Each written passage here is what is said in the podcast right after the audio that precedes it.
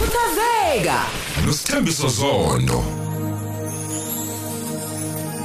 Angibingelele tata ngibingelele unongcebo ngibingelele studio umlaleli esekhaya. Aliqala usuku baphila abantu ifudumala imndeni kodwa ke ngiyakuthanda lokhu ukudlulisa kubantu abalalele eningizimu Afrika ukuthi uma ngabe sifuna ukuphumelela ubaba umama usisi ubhuti ingane umAfrika sifuna ukuphumelela awukufunde nansi imfihlo eyodwa. Ngikadonsi kakhulu ngakhuluma izinto eziningi awuke wazisa abanye abantu ukuthi bayini. Angiphinde again. Imvelo njalo mizokubusisa. Iyayibheka ukuthi ubaphatha kanjani abantu abangaphansana kwakho?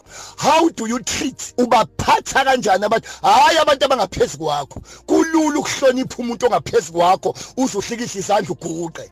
Umbuzo omkhulu namhlanje sibuzwa wona kuze kuvuleke into zakho kuze uNkulunkulu akubuke. Wena ubathitha kanjani abantu abangaphansana kwakho? Okay ayikho inyoni endithi ngahlali phansi. Ngisho ngathiwa impilo isakuhambela kahle. Ngisathiwa nikhaphuli nibambene ngokucicane. Noma ngathi uyabona etohweni use-right sibekelele ekuthandeni abanye abantu. Wazise abanye abantu ngoba la empilweni impilo ayikushayi ngoba uphethile. Ngicela ungizwe kahle kini umlalelo Khosi FM usekhaya usemotweni awungilalela impilo ayibukisi ngawe ngoba uphethile. Vele impilo ungathi yabahalela labantu abaright. Bonke abantu kuma relationship ebudlelwaneni abasiphatha kahle impilo yabakhalisa bonke abantu emakhaya abahlonipha impilo yabakhalisa emndenini. Emasontweni bonke abantu abasikhandla bahlonipha bashawa impilo yabukisa ngabo. Ngizothi wonke umuntu olalele njengamanje awukuhlonipha omakhelwane nje. Nalabo babona beyiyabhuyabhana umhlungu uthibulesa uthi sigade nayo ke impilo futhi ukuthi masifundile sinayo yonke into. Ungaphakami kakhulu. Uzubona abanye abantu engathi bawulutho nje. Uzubona engathi abanye abantu abayilutho babukele phansi. Ngicela wonke umuntu olalele njengamanje. Lokhu kuyimfihlo yemvelo. Ezophumelelisa umAfrika egijima phansi komthunzi welanga. Ngicela bonke abantu obabona sengathi bangaphansana kwakho bahloniphe bese uhlonipha wonke umuntu ohambayo. Ngathi kunina usisi wami usisibusi uke nje wasebenzela umlungu waphatha kahle izingane zomlungu. Kanti ubasi nomesisi bayaxoxa. Ukuthi singamenzelani uGloria.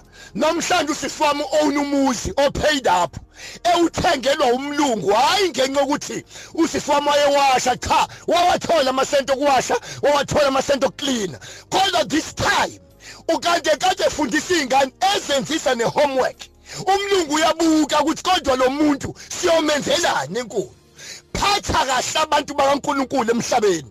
Bezidakwa beyizangoma beyizayoni bengamakristo beyinazaretha bengamahindu bengakholwa bebheda phatha kahle ingane kaNkuluNkulu phansi komthunzi welanga. Uzombona uJehova into ayokwenzela yona emhlabeni.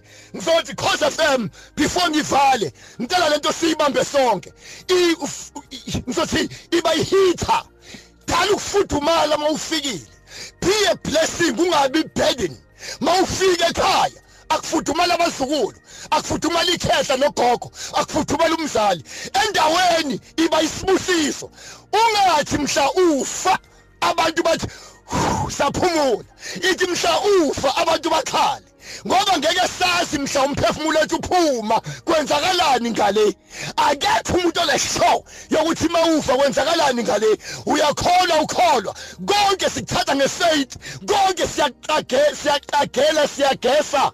Asazi masifa kwenzakalani ngale? uNkulunkulu umuntu umbhulela into encane. The revealed is for men but the secret things belongeth unto the Lord. Cause of them abaphila abantu niseyimotweni nisemateksini nisemakhaya. Niyapatanisa sizama impilo. uNkulunkulu akanenze nibuyisane nabantu enixabene nabo. Imndeni ayifudumali mawufuna ukungi-SMS ungangi-SMS nje kule number le 066 053 0791 angiphinda again 066 053 0791 abaphumelela abantu Facebook page abantu abangene sithembiso sondo bese uthi #abaphila abantu. Setholakala khona incwadi ke isilungile bafethu iyalunga ikhona. Sizomemezela mhlawumbe next week ukuthi abantu bazoyitholaphi. La sithi the truth shall set you free but it will hurt you first. Iqiniso liyokukhulula kodwa liyokucasula kuqala. Kodwa khuthazeka nosithembiso zondo.